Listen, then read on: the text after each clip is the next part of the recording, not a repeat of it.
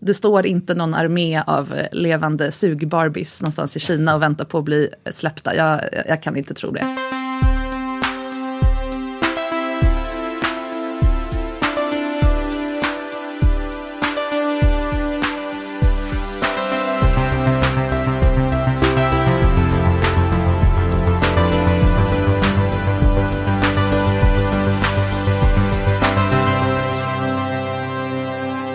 Sex och porrindustrin ligger alltid i framkant av ny teknik. Se bara på säkra betalningar, nätanonymitet, videobandspelare, streamingtjänster. Och nu är det kanske virtual reality, augmented reality, robotar som lockar en av världens största industrier till nya innovationer. Men hur förändras vår syn på sex när vi kan skräddarsy verklighetstrogna upplevelser med vem som helst, var som helst? Hur ser vi på kärleksrelationer när algoritmerna styr? Blir vi lyckligare av bättre sexverktyg? Kan LoveTech och sextech-boomen underlätta för kvinnor att ta tillbaka en liten del av den här mansdominerade branschen? Hur funkar det med integritet när även sexet är uppkopplat? Dagens avsnitt är inget för känsliga öron. För idag ska vi prata om framtidens sex och relationer. Vilket ju egentligen är ett ämne som vi borde prata mycket mer om. Så att du kanske ska fortsätta lyssna ändå. Om du inte är ett litet barn kan du stänga av. Jag heter Christian von Essen och eh, vi som gör Heja Framtiden heter också Tobias Wahlqvist och Mårten Skånman. Men för att kunna prata om framtidens sex med trovärdighet har vi bjudit in en livs, livslevande sexexpert till Heja Framtiden. Vi säger välkommen till Marika Smith. Tack så mycket. Du är sexrådgivare, inspiratör, skribent kursledare eh, kursledare, mycket annat. Hur hamnade du i sexfacket? sexfack. Jag önskar det fanns ett sexfack. Um, jag har alltid varit intresserad av sexualitet, både naturligtvis uh, privat men, men uh, uh, pro professionellt så har jag väl um, känt att det, det, är det viktigaste jag kan göra med de förutsättningar jag har och de talanger jag har. Att hjälpa människor att förstå hur sex fungerar på riktigt.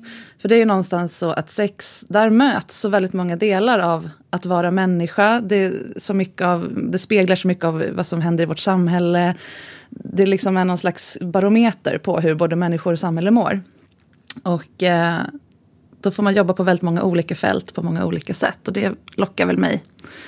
Så jag har inte så många andra intressen. ja. Vad skönt.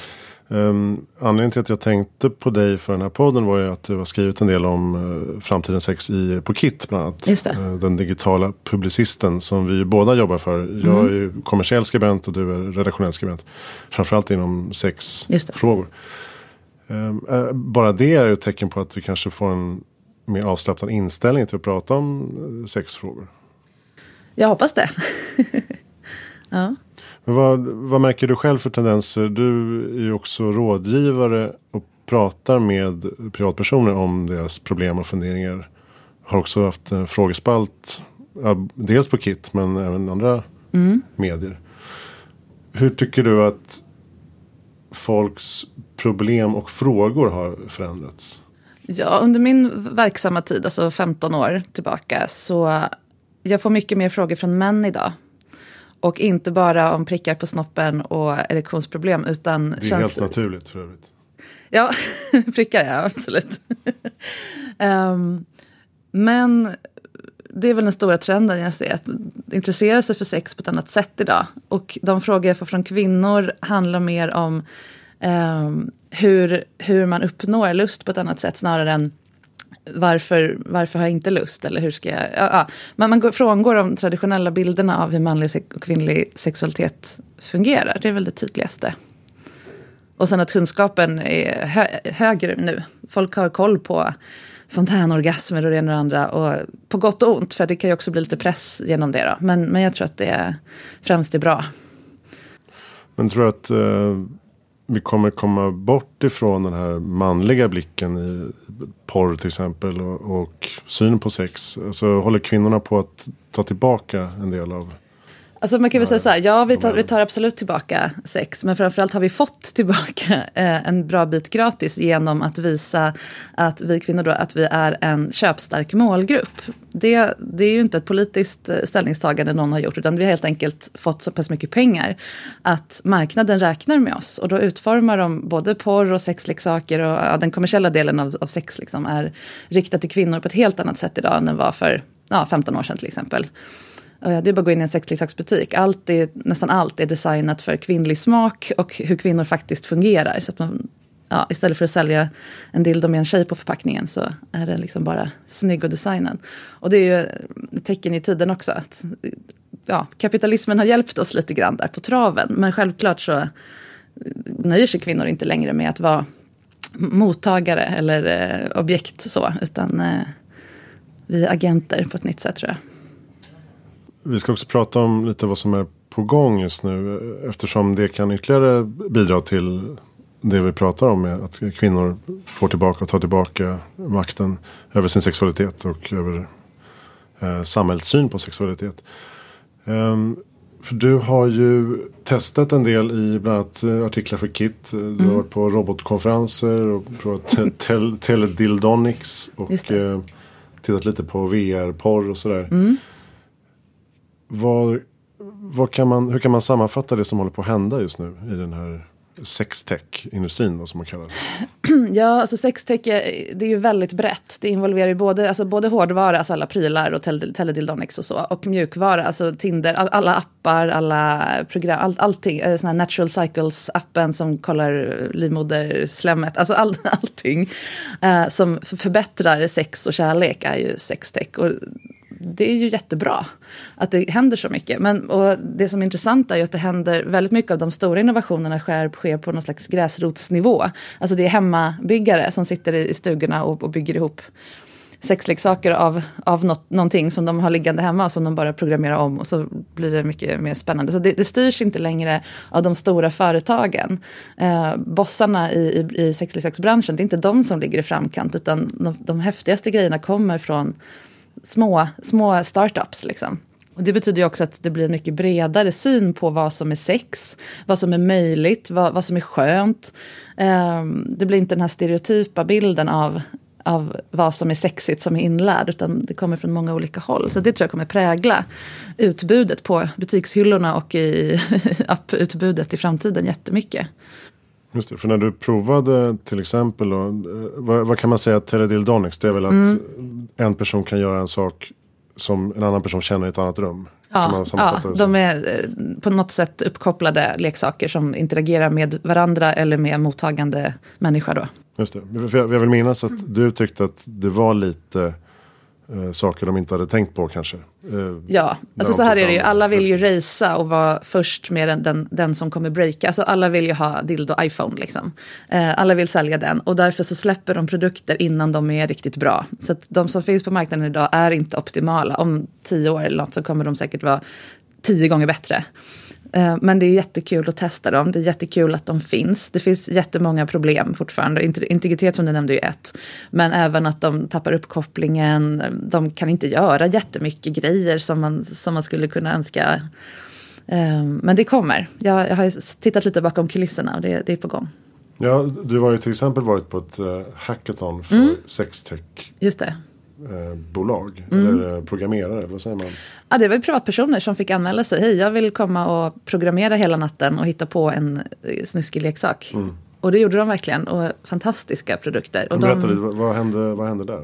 Ja, de har blåst ur en gammal kyrka som, som tillhör då eh, Goldsmith-universitetet i London. Och så sitter de där hela natten och från scratch bygger sexleksaker, och, eh, både fysiskt, alltså hårdvaran, och programmerar.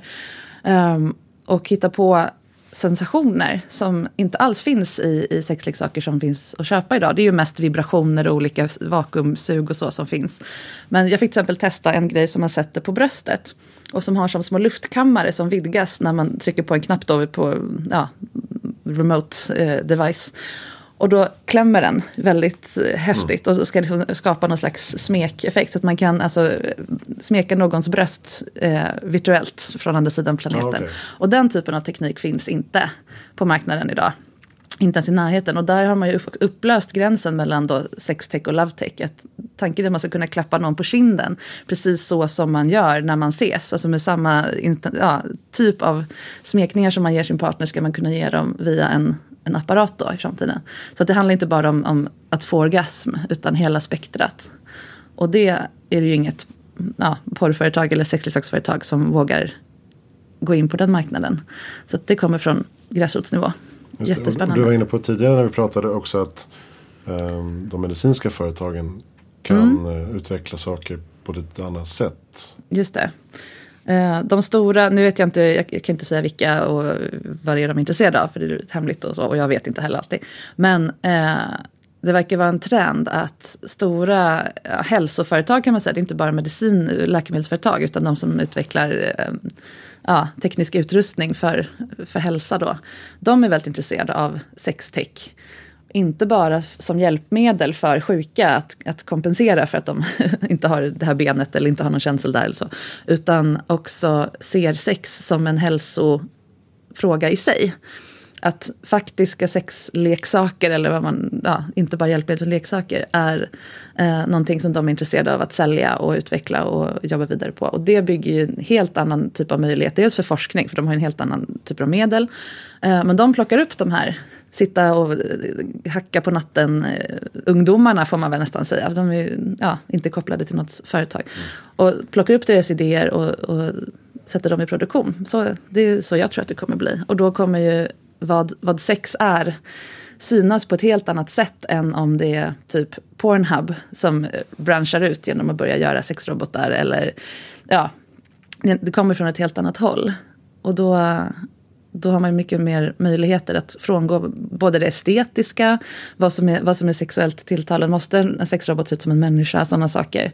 Um, när man tar det från det kroppsliga perspektivet snarare än det bygga vidare på en eh, en uppfattning om vad som är sexuellt. Mm. Men, och vad gör, vad gör porrindustrin då? Är det mycket virtual reality? Ja, reality det är samma där. Alla vill ju vara först på den plattform som verkligen slår. Och samma där, de släpper kanske saker som inte är optimala än. Men, men VR kommer ju jättestort.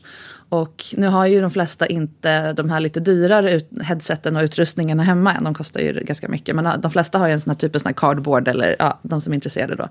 Och det är ju jättehäftigt med VR-porr.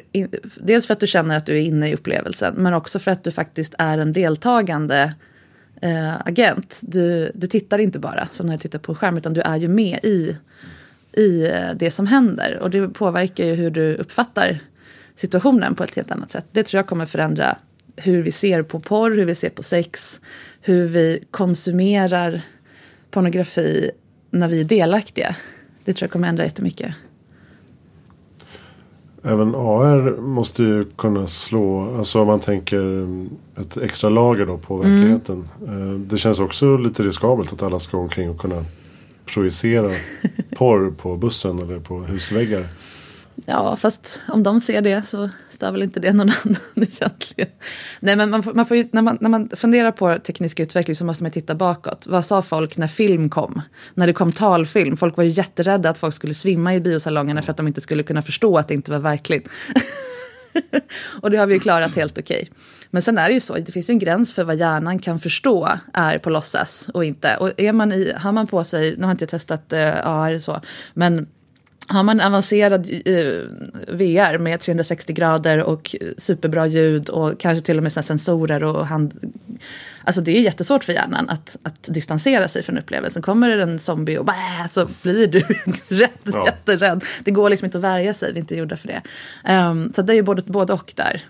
Men så pass bra är det inte riktigt än att, att jag tror att det kommer bli något problem. Och, eh, äh, men, ja. och som sagt, ungdomar kommer alltid hålla på och göra snuskiga saker med ny teknik. Det har vi liksom, tror jag alla är med på. Men jag tror inte att det kommer bli något stort problem. Men du har även varit på en eh, konferens som går under namnet Love and Sex with a Robot. Ja, Love and Sex with Robots. Robots? Ja, okay. den mm. hålls, eh, det är tredje året nu i år i London. Det, är, det, är ingen, eh, det lämnar inget mycket åt fantasin vad det handlar, vad det handlar om. Nej, men det var faktiskt lite bredare, det är bredare forskningsfält än så. För det, det handlar ju också om teledildonics till exempel och, och, etiska aspekter av det. Och väldigt brett, från, från det tekniska till väldigt filosofiska och mycket historia kring människa, icke, människors sexuella relation till icke-mänskliga eh, föremål eller eh, människoliknande. Ja, så. Väldigt intressant och forskare från hela världen. Så alla är där utom de som faktiskt jobbar med det här, det vill säga de företag som jobbar på att ta fram sexrobotar, eller säger sig göra det. Och jag var där då för ett år sedan och då menade Eh, nu kanske man inte får nämna varumärken här. Men det finns, ja. det finns eh, ett företag som heter Real Dolls som tillverkar såna sexdockor. De flesta har sett något klipp med dem någon gång. Och de sa då, 2016, 2017 kommer vi lansera the sexrobot. Eh, någon gång under året kommer vi släppa en fungerande eh, fullt kapabel sexrobot. Det har ju inte hänt än. Och redan då så kändes det jättekonstigt att de inte var på plats på en sån här kongress och berätta för forskarvärlden. Då borde jag väldigt intresserad av att, att de skulle liksom, eh, undersöka det här. Kanske skämdes. Ja, jag vet inte. Men jag tror också att det var bara skitsnack. Det finns inga sexrobotar, så är det. Och det, kom inte, och det diskuterade också på den här mässan, vi, vi, eller på den här kongressen. Vi sitter här och pratar om saker som inte finns och inte kommer finnas på ganska länge. Det, det, kom, det finns ju rörliga sexdockor. Det finns också eh, sexdockor i, i naturlig storlek. Som, kan, som har extremt simpel AI, alltså som kan svara på, alltså interagera extremt enkelt. Om du säger ett ord så svarar hon med ett annat ord. Mm. Men det är inte mer än så. Och det kommer inte vara det på ganska länge, för det krävs ganska mycket för att man ska acceptera, alltså eh, acceptansen för hur, hur pass människolik en robot ska vara för att det ska kännas okej okay att ha sex med den. Eller liksom skönt, eller ja, om man inte har någon speciell robotfetisch då. Eh, eller dockfetisch är ganska hög. Och det finns något som heter the, the uncanny valley, brukar man prata om när det gäller AI. Det handlar om att um, nu visar jag i luften. Men man, man, accepterar att en, att en robot är människolik och så tänker man så ah, coolt att den är så lik en människa. Och sen blir den lite för lik en människa och då blir det obehagligt som fan. Tills den är så, har kommit över den gränsen och är så lik att du inte märker skillnaden. Och där, det är vi jättelångt ifrån. Så vi kommer halka ner i den här uncanny valley och tycka att fan vad creepy det här är ganska länge till. Så att, det står inte någon armé av eh, levande sugbarbies någonstans i Kina och väntar på att bli släppta. Jag, jag kan inte tro det. Då skulle de redan visat dem. Och, och... Men det är ju så, race mot vem som kommer först. För det är, först på marknaden är ju liksom alltid originalet. Men det här är intressant för att uh, alla techbolag försöker ju jobba med AI och det hemassistent. Och ja. man ska ha personlig assistent och så här. Kan de här två liksom merga i en och samma Alltså hjälpreda, assistent, sexrobot. Det vore väl skitbra till exempel för alla som har alltså, med fysiska funktionsnedsättningar. Som har svårt att trä på kondomer eller få samlag att funka eller vad det nu är man vill göra. Och det där är jättesvårt inom den branschen med, med mänskliga assistenter. Var går gränser för vad man får hjälpa till med och så vidare. I alla fall i Sverige är det ett problem. Då vore det väl toppen om det var en robot som hjälpte till. Mm. Um, det säljs ju redan sällskapsrobotar, till exempel i Japan, där, där, där du går med på, du, du lovar när du köper den att du inte ska ha sex med den. Uh, sen mm. hur det kollas upp vet jag inte. Men det säger ju någonting att de, det företag vill inte bli sammankopplade med med sex helt enkelt. Men roboten kanske rapporterar på något sätt? Det kanske den gör, men det finns ju många sorters sex. Så att, ja. ja, det är spännande tankar med just de etiska aspekterna. Ska roboten i så fall kunna säga nej? Ska en sexrobot ha liksom rätt till det? Och är det i så fall ett problem om de kan det? För då kan man ju gå emot det i så fall. Ska de bli pro programmerade att göra motstånd eller ja, ha en egen vilja och så vidare? Eller känna som att de har en egen vilja? För det har väl redan hänt. Att, jag har för mig att jag hörde att någon eh, sexdocka drogs tillbaka för att den hade den möjligheten att säga nej. Mm. Och då blev det istället någon slags våldtäktsdocka. ja, vi människor är inte riktigt, man kan säga så här, vi är inte riktigt mogna för vissa leksaker. Vi kan liksom inte riktigt ta ansvar. um, nej men det är jätteintressant. Och ska man få göra i så fall eh, robot, sexrobotar som är barnlika eller ja men jag tror, jag tror och jag hoppas att eh, vi utvecklar snarare, att istället för att försöka skapa artificiella sexpartners så kommer vi utveckla sexleksaker mer mot att påminna om, om eh, människor, eller kroppar i så fall. Så att det mer är att vi fortsätter se dem som apparater men som kan göra mer för våra kroppar än människor kan. Snarare än försöka skapa människoliknande eh, ersättningar för en partner. För det, det är mycket svårare att få till. Därför att vår sexualitet bygger ju på att det finns någon form av erövring, alltså eh, mentalt då, att jag ska vilja få dig att vilja ha sex med mig. Och har du ingen vilja, då blir det inte så spännande. Då, då tröttnar man ganska fort. Så att antingen måste man hitta ett, ett, ett någonting som knäcker, eller en algoritm som, som, skapar, som, som efterliknar mänsklig attraktion. Vad är, det, vad är det med pupillerna som gör att jag ser att du blir upphetsad? Alltså, alltså den där, hela den där grejen. Det är ganska avancerad AI. Liksom, att få, alltså man måste få den att interagera så pass detaljerat att det känns som att det blir uppstår en attraktion på riktigt. För de flesta. Men istället kan man se det som då avancerade sexleksaker.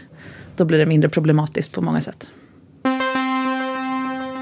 Det finns en eh, populär bok nu som heter Everybody Lies. Där eh, författaren går igenom bland annat data från eh, Pornhub. En stor mm. eh, porrsajt. Och eh, de har då släppt sin eh, statistik eh, fritt. Och då kan man då se vad folk faktiskt söker på när det gäller sex och porr. Till skillnad från vad de säger att de mm. är intresserade av. Och då ser man ju som alltid då vad som är mest tabu för tillfället. Eh, kommer ofta upp. Då, som eh, till exempel då mycket syskonrelationer och sånt. Mm. Eh, är ju trendigt mm. tydligen. Ste stepbrother, stepmother och sånt uh -huh. um, Men hur, hur kan man egentligen kartlägga sexualitet på ett bra sätt när folk eh, ljuger uppenbarligen? ja, jag skulle inte kanske säga att de ljuger utan att man har ju olika preferenser när det gäller porr och när det gäller att ha sex med en partner. Men det tror jag mm. alla fattar. Att eh, när man söker på enhörningsporr så är det inte för att man vill göra det på riktigt. Ja, då finns det inte. Och det är också därför, nej, vi kan tillägga det också. um, nej, jag tror inte att det handlar om att man ljuger så mycket som att man har olika preferenser. Men man passar på och eh, utforska saker när, när det handlar om porr, när man är ensam och inte har någon att svara inför så att säga. Så det speglar ju inte eh, vad folk i just det här landet eller just då tänder på sina mammor. Det handlar inte om det utan om vad som är intressant eh, när man eh, fantiserar. Men det är fortfarande intressant med trender. Att många fantiserar om samma sak samtidigt i en viss region till exempel. Kommer ju någonstans ifrån. Och det, det är väl ett bevis på hur vi konstruerar sexualitet inför varandra hela tiden och så. Eh, sen att folk ljuger, ja alltså man har väl rätt till sin egen sanning på något sätt, tänker jag, när det gäller sex. Man är inte skyldig någon ett svar. Men däremot så blir det problematiskt då till exempel som nu i Sverige så har vi precis skickat ut eh, under hösten nu en eh, undersökning till 50 000 svenskar om deras sexualvanor i syfte då att eh, få en bild av hur, hur svenskarna mår sexuellt, vad vi eh, behöver mer av, vad vi är oroliga för och så vidare. Det är inte särskilt mycket om eh, vilken ställning man har sex i, utan om man har varit med om sexuella eh, övergrepp till exempel, eller om man känner att man har tillräcklig eh, tillgång till vård när det gäller sexuell hälsa. Alltså det är mycket sådana grejer också. Vem står bakom? Det är, det är alltså Folkhälsoinstitutet, som de hette förut i alla fall, som på uppdrag av regeringen då, och förre folkhälsoministern.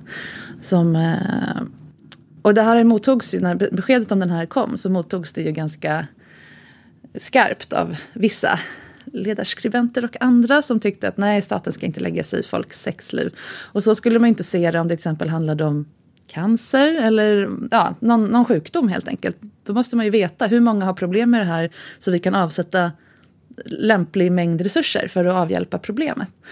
Och att man inte ser det så när det gäller sex, det, är, det är ju väldigt konstigt och, och ett stort problem. Att folk eh, reagerar instinktivt att jag litar inte på, på att staten tar hand om den här informationen på rätt sätt. Jag tycker inte att de har med det att göra och jag tror inte att jag har lust att dela med mig av det här för jag tror inte att jag kommer förbli anonym. Det är ju ett jättebekymmer. Och då kan det hända att folk ljuger i, i enkäten då. För att de inte känner sig helt trygga med att svara på den. Eller så struntar de bara i att svara på den och det är ännu värre för då förstör man ju det här statistiska urvalet som gör att man får rimliga svar.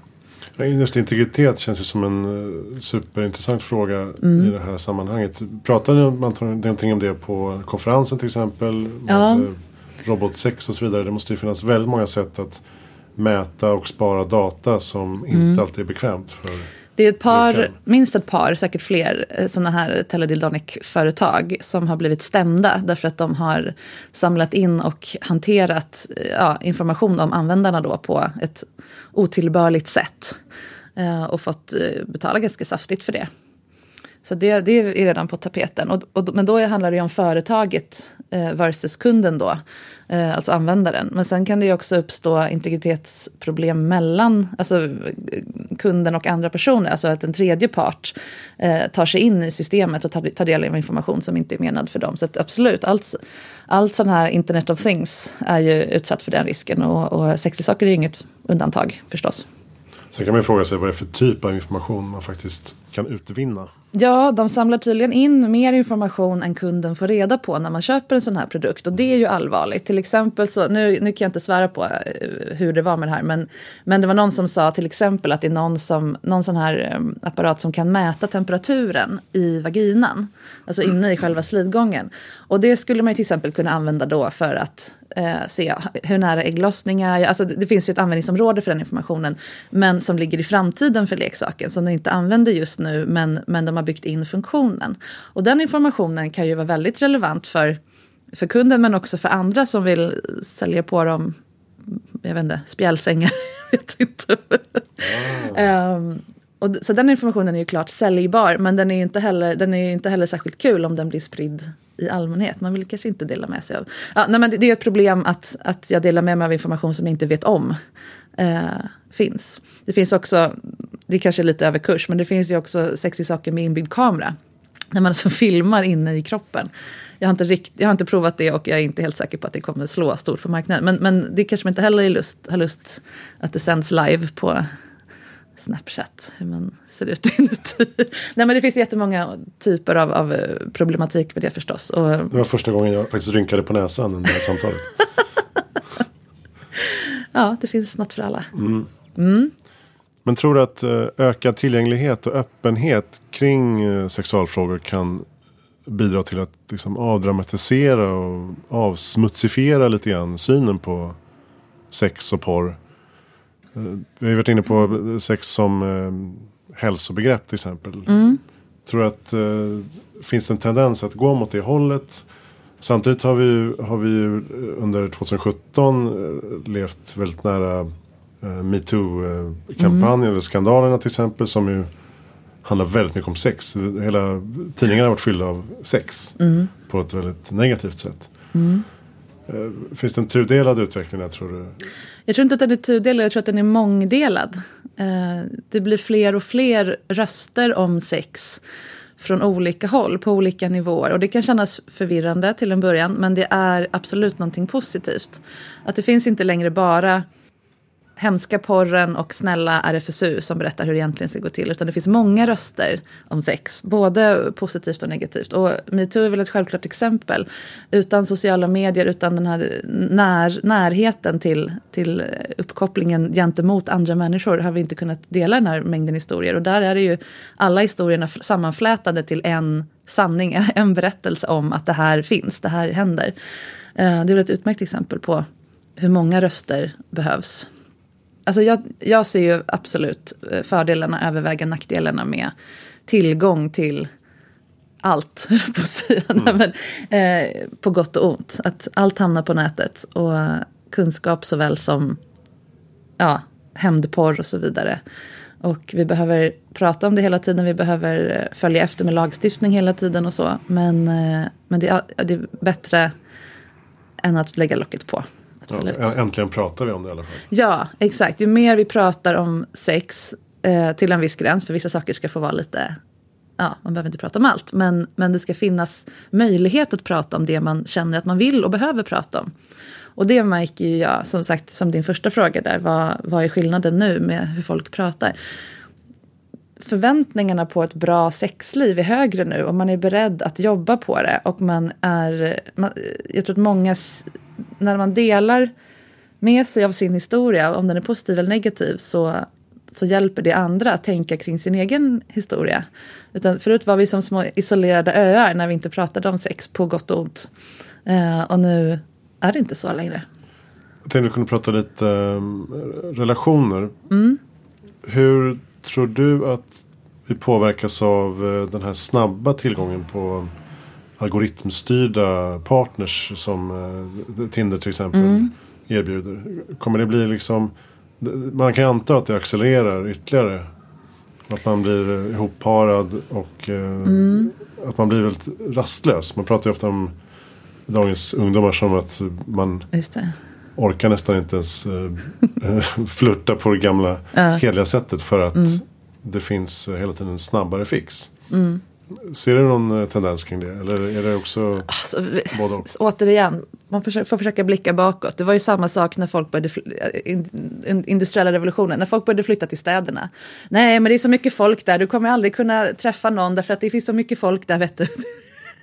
och du går på dans och du dansar med massa olika, hur ska du kunna välja? Du, nej, stanna hemma och gifta med han i granngården liksom.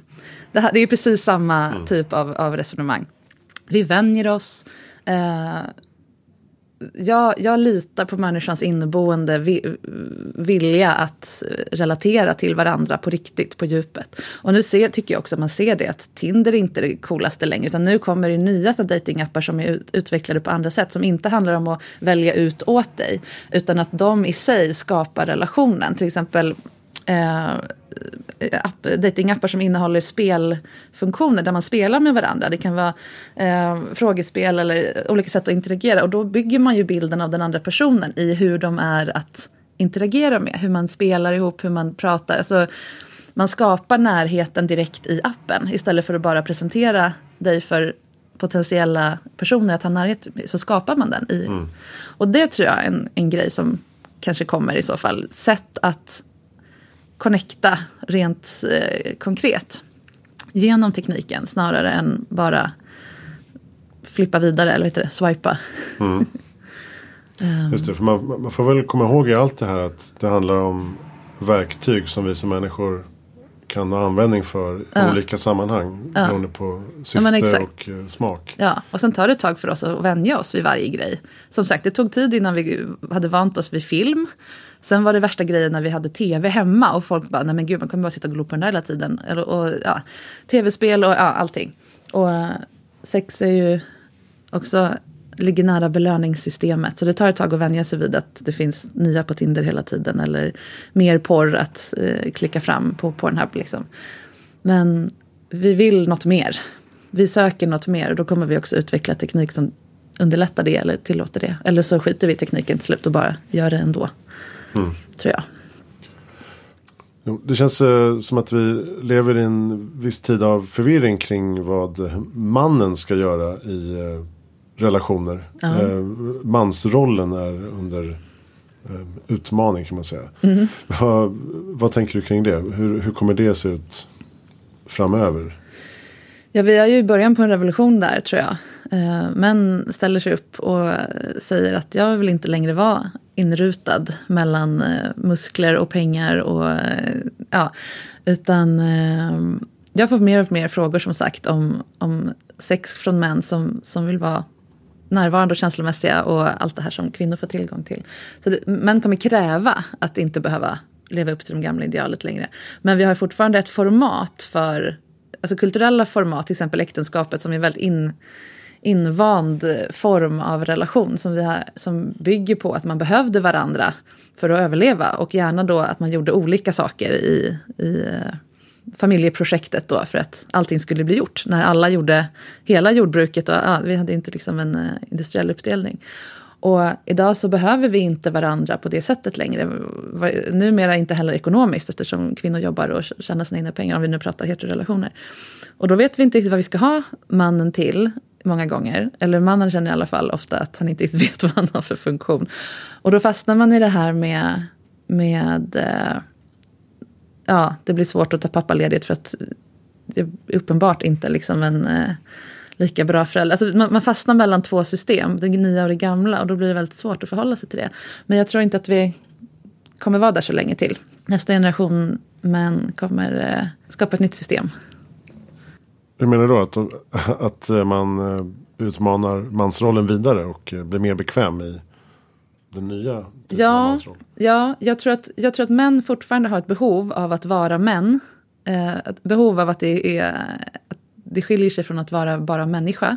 Och varför det är så, det kan man ju diskutera. Men, men det är uppenbart så att det finns ett, ett behov. Det finns ju att kolla på alla manskurser och, och eh, sånt där som fortfarande finns.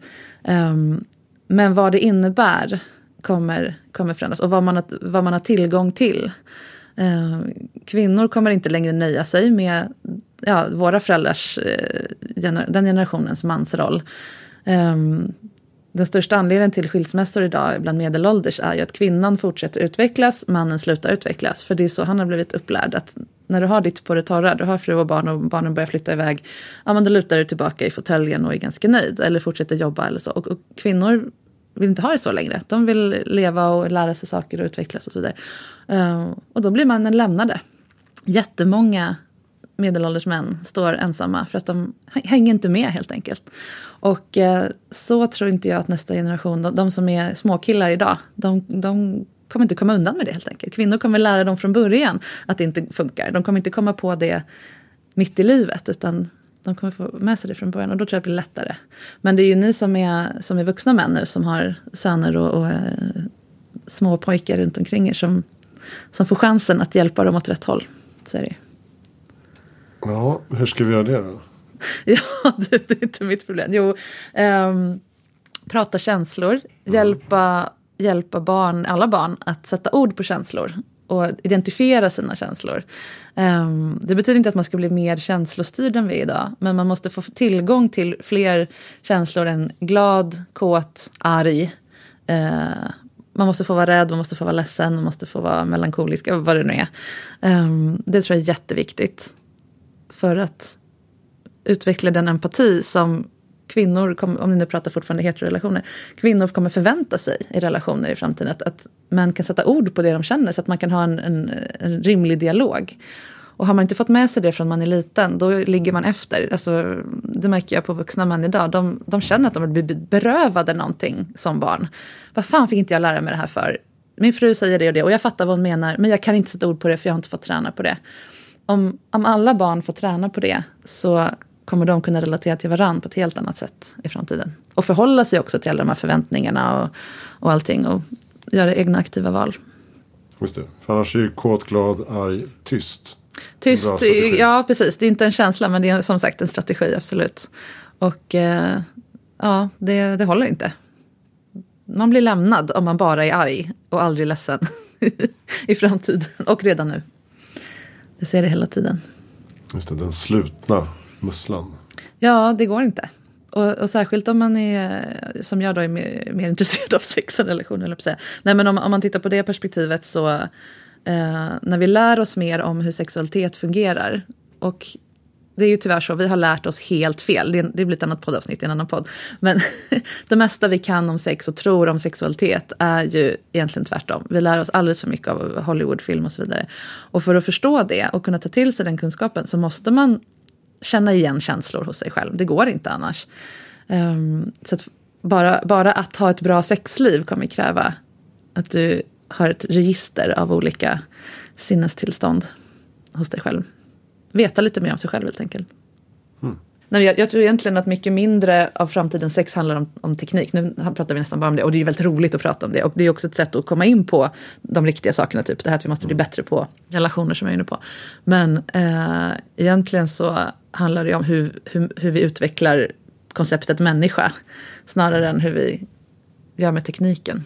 Och, men, men det är vi som styr tekniken, det är det som är så tydligt just med sexrobotar till exempel. Det är nu vi bestämmer hur en sexrobot ska se ut. Om den ska vara en sån här ja, sug-Barbie som sagt i naturlig storlek. Eller om den ska vara en låda som du kan sticka in olika kroppsdelar i och så händer något fantastiskt där inne. Um, det är också en robot men, och det kanske funkar mycket bättre. Men det är nu vi kan... Eller enhörning. Eller enhörning, absolut. Och de flesta som jag intervjuade där, jag pratade med lite olika deltagare, de, de tror ju på att det kommer vara en, en dels kommer vara dyr teknik så man kan inte ha liksom massa olika utan man får ha en som man bygger om utifrån eh, sina preferenser då. Byta peruk på eller bara byta olika delar så att man bygger, alltså, så att man behöver inte alls påminna om en kropp och vara begränsad med fyra eh, extremiteter och, och tre hål liksom. Um, utan att det kommer vara individ individanpassat därför att det förväntar man sig när man betalar de pengarna. Um, och sen tror jag att sex kommer bli individuellt generellt på ett helt annat sätt i framtiden. Vi kommer inte vara så intresserade av är jag normal utan hur får jag det som jag vill ha det. Typ. Mm. Det är mycket roligare också. Och så har det blivit med allt annat. Jag höll på att skriva en artikel nu om hur vi äter annorlunda nu.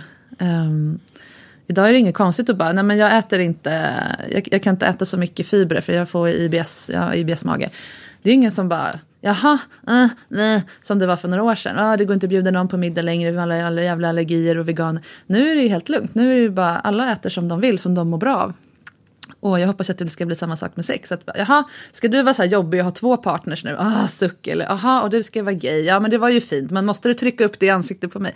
Så är det ingen som säger längre. Och vi, vi, går, vi går åt det hållet. Så här. Och jag hoppas att det följer samma väg. Att den här ökade individualiseringen i samhället har det som en god sida.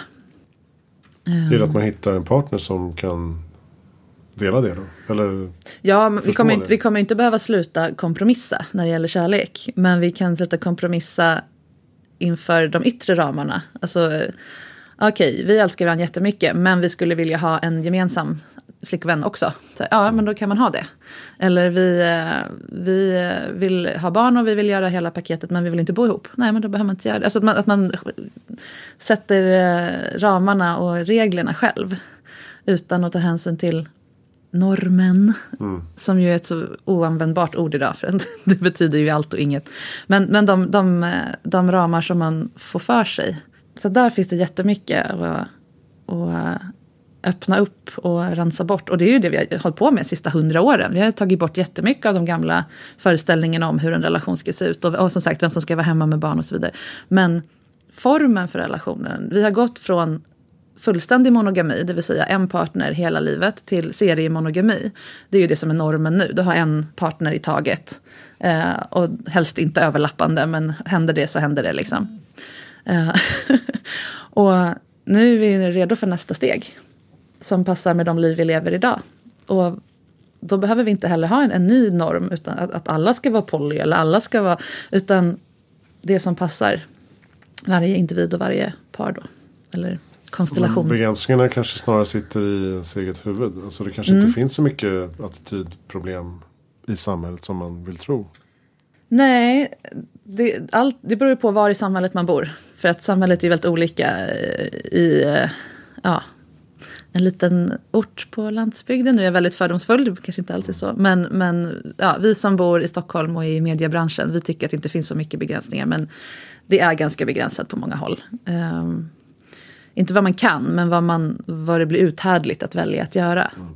Men det går ju framåt som sagt på alla områden hela tiden. Det, det går att vara vegan i blomstermåla idag. men, men går det att vara... Ja, och, och, och, alla köper ju nu att, att alla har såna här stjärnfamiljer, eller vad heter det, bonusfamiljer och man har barn med flera olika partners och så vidare. Det, det har ju folk varit tvungna att lära sig stå ut med och acceptera, för att det är ju bara så. Och då blir nästa grej andra typer av relation. Ja, men ytterligare steg mot det hållet. Så ja, framtiden är absolut ljus om vi låter den vara det. Typ så. Precis. Har du någon spaning på, det här är en helt annan fråga, men har du mm. någon spaning på preventivmedel uh, utvecklingen inom det området? Jag är inte jätteinsatt i det ska jag säga. Men det, det känns ju ganska självklart att det är herrarnas tur. Mm.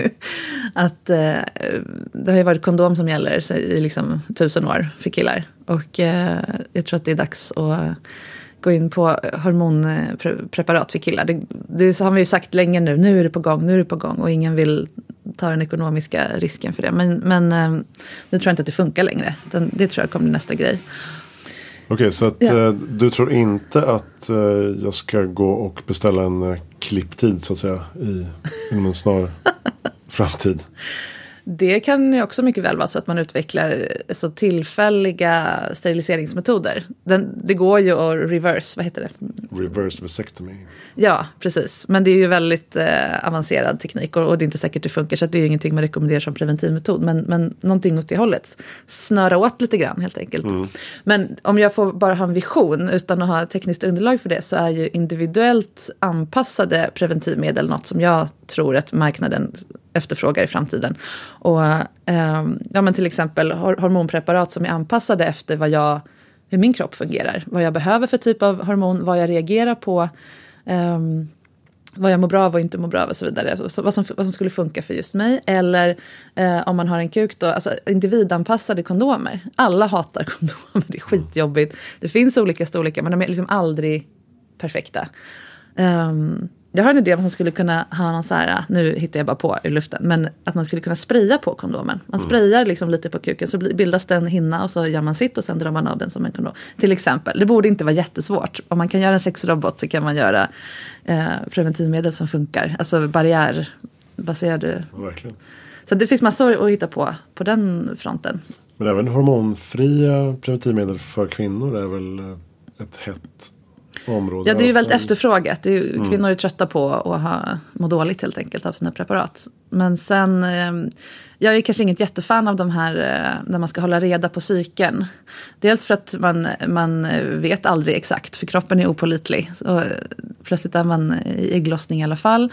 Och sen så måste man planera sex och sen är det fortfarande kvinnans ansvar att hålla reda på den där appen. Även om man kan dela den med, med sin mm. partner. Så det ligger, det ligger fortfarande på kvinnan på ett tråkigt sätt tycker jag. Så jag, jag, tycker inte att det är en hundraprocentigt bra metod. Um, men som sagt, återigen, eftersom kvinnor är en köpstark målgrupp och har en stark röst nu på ett annat sätt så lyssnar man mer och tar fram produkter som, som ska vara trevliga och bra för oss. Som inte kostar för mycket i hälsa och besvär. Ja, så det är väl så fort det handlar om läkemedel så är det väldigt långa cykler också. Ja, framtagningsprocessen. Och ja, och, och, och, man måste, ja, det är därför det inte finns manliga p-piller. Det skulle inte vara något problem. Men är, man tror inte att det finns pengar i det. Mm. Så att någon måste bara göra det, visa att det funkar och så, ja. Så när de väl kommer så litar jag på att alla män köper dem, även de som inte vill använda dem, bara för att visa att de behövs. Jaha, du menar så, stödköp? Stödköp. I dina spaningar och eh, samtal med eh, forskare och experter inom den här sextech-industrin har, har du eh, fått någon känsla för vad man tror om framtiden när det gäller eh, hur nära robotar kan ta sig in i vår vardag och vårt samliv och våra, våra relationer? Eh, kan vi gifta oss, leva med robotar, ha sex med robotar en, som en del av en fungerande relation? Eller hur ser man på det där? Ja, som jag sa så är det väldigt stor eh, differens mellan vad forskarvärlden tycker och tror och vad den kommersiella världen, alltså industrin, säger. Um, men jag intervjuade Nestorn, Grand Old Man inom eh, AI-forskning med inriktning sex och, kärlek. Och han heter David Levy. Och han, eh, han menar stenhårt på att 2050 kan du gifta dig med en robot och inte tycka att det är jättemycket sämre än att gifta dig med en mm. vanlig person. Jag är inte säker på att jag tror på det. Ehm, det är ganska nära i tiden och vi har ganska höga krav på, på våra partners idag jämfört kanske när han var ung, om man säger så. Mm. Um, vi, vi väljer partner på andra grunder idag och det kan inte robotar leva upp till och kommer inte kunna på väldigt lång tid. Däremot så kan de ersätta en sexpartner. De kan ersätta, de, kommer, de funkar ju redan som, som sällskap åt gamla till exempel, fast icke sexuellt då, men um, de kan fylla väldigt många funktioner som en partner kan, men inte alla jag, jag har svårt att se att de skulle eh, ersätta en, vad ska man säga, en, en, om man får säga en god relation. De kanske kan ersätta en sån här uh, importera en fru från Asien relation. Nu säger jag inte att det måste vara en dålig relation, men du förstår vad jag menar. Mm. Uh, om, om man har en ganska, uh, hur ska jag uttrycka mig, en ganska grundläggande förväntning på vad äktenskapet ska fylla för syften i ens liv så kan nog en robot fungera då om några decennier. Det har ju varit väldigt mycket i populärkultur de senaste åren, kanske särskilt på film och i tv-serier om sex och robotar och kärlek och människor som blir kära eller interagerar med, med robotar på olika sätt och AI. Och eh, det är ju inget konstigt, det speglar ju tidsandan. därför att vi står ju inför ett avgörande nu. Det handlar inte om när, utan fortfarande om om. Om vi kommer att ha den typen av interaktion. Och vad händer då när, när då AI eh, blir intelligentare än vi? Kommer de vilja ha sex med oss? Kommer de, det är den typen av frågor man ställer. Och, och där ligger ju alltid tekniken och, och, fiktionen i framkant. De ställer frågorna som forskarna ställer sig, men de drar dem till sin spets på ett annat sätt. Så man ska inte tro för mycket på de där filmerna. Det kommer bli på ett annat sätt, men på något sätt. Mm. Vad, eh, hur ser du själv på framtiden då, inom det här området? Vad, vad ser du mest fram emot personligen? Alltså när det gäller sex och framtiden så har ju inte det så mycket med teknik att göra. Utan det som jag eh, tar med mig av mina eh, kontakter med, med sextechvärlden det är ju att vi kommer få mycket mer möjlighet att utforma sex så som vi vill. Eh, individanpassat på ett helt nytt sätt. Vi kommer kunna skapa fysiska sensationer och, och mm, närma oss att förverkliga fantasier som inte är möjliga att förverkliga med människokroppar på ett helt nytt sätt. Och det gör ju sex mycket större och mycket bredare. Men eh, eftersom teknik kan göra så mycket som vi, kropp, vi med kroppar inte kan för varandra så kommer ju vi behöva konkurrera med andra medel för att fortsätta vilja ha relationer på sexuellt med varandra. Och då kommer vi behöva bli bättre på det som bara människor kan. Det vill säga älska varandra, åtrå varandra, allt det här som, som, eh, som människor gör som är väldigt svårt att återskapa med AI. Det kommer vi börja uppvärdera mer. Och det har vi faktiskt glömt idag. Vi är ganska dåliga på att vara just det vi människor är bra på. Sköta relationer på ett respektfullt sätt till exempel. Vi kommer behöva bli mycket, mycket bättre för att stå oss i konkurrensen mot teknik. Helt enkelt. Och det ser jag som jättepositivt. Det behöver vi börja träna på redan nu och prata om och lära våra barn och så vidare. Det var en väldigt fin sammanfattning tycker jag. Ja. och eh, om man nu eh, kan skräddarsy alla sina upplevelser på ett ganska verklighetstroget sätt. Mm. Alltså de fantasier man har. Mm. Som idag kanske anses inte så rumsrena. uh -huh. Så man måste eh, frekventera märkliga källarlokaler i, i eh, bakgränder. Kan man De är inte så märkliga.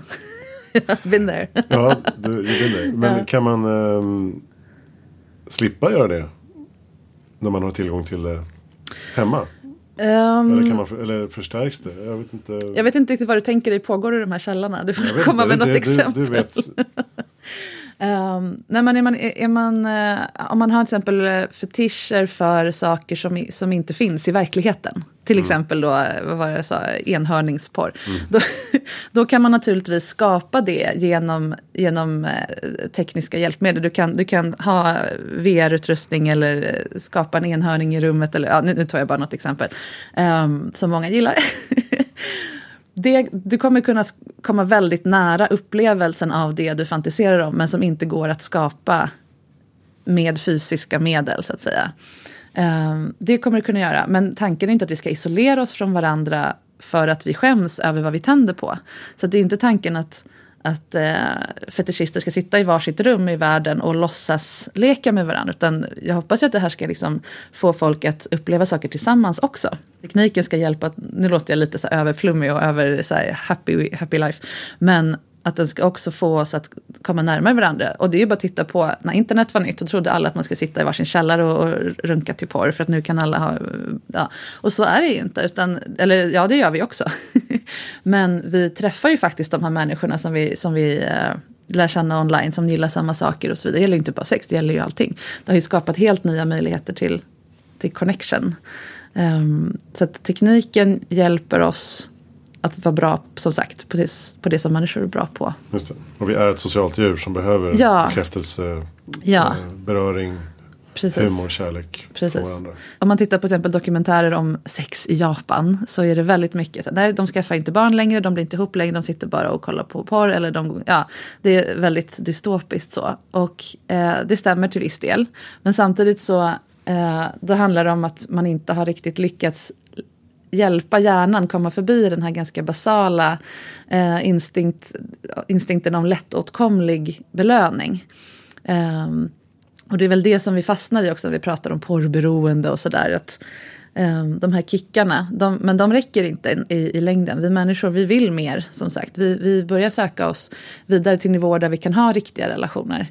Uh, och den, den eh, förmågan är den vi ska hålla i och hjälpa hjärnan att komma förbi. Eh, om det, oavsett om det handlar om, om eh, obegränsad tillgång till porr eller Tinder eller eh, vad som helst. Så, så behöver vi prata om det på ett sätt och skapa kunskap om hur vi kan njuta av det och använda möjligheterna som det ger oss men ändå komma upp på en nivå där vi, där vi eh, gör det jobbiga jobbet. Det här tänka snabbt och långsamt, du vet. använda det mm. långsamma tänket. Det tror jag kommer uppvärderas i framtiden. För, förmågan att göra det när vi väljer partner. Vem tycker att vi borde intervjua i Heja Framtiden? Ja, eh, jag tycker att du borde intervjua Karin Ism som eh, driver nätverket Nevrora och som eh, jobbar med framtidsfrågor på olika sätt, mycket digitalt och är väldigt spännande person. Perfekt. Tack snälla Marika Smith för att du kom förbi. Tack så mycket. Eh, vi finns på Facebook, eh, heter Heja Framtiden och det finns en mejladress som heter hejaframtiden gmail.com. Jag heter Christian von Essen. Vi ses nästa gång. Tack hej.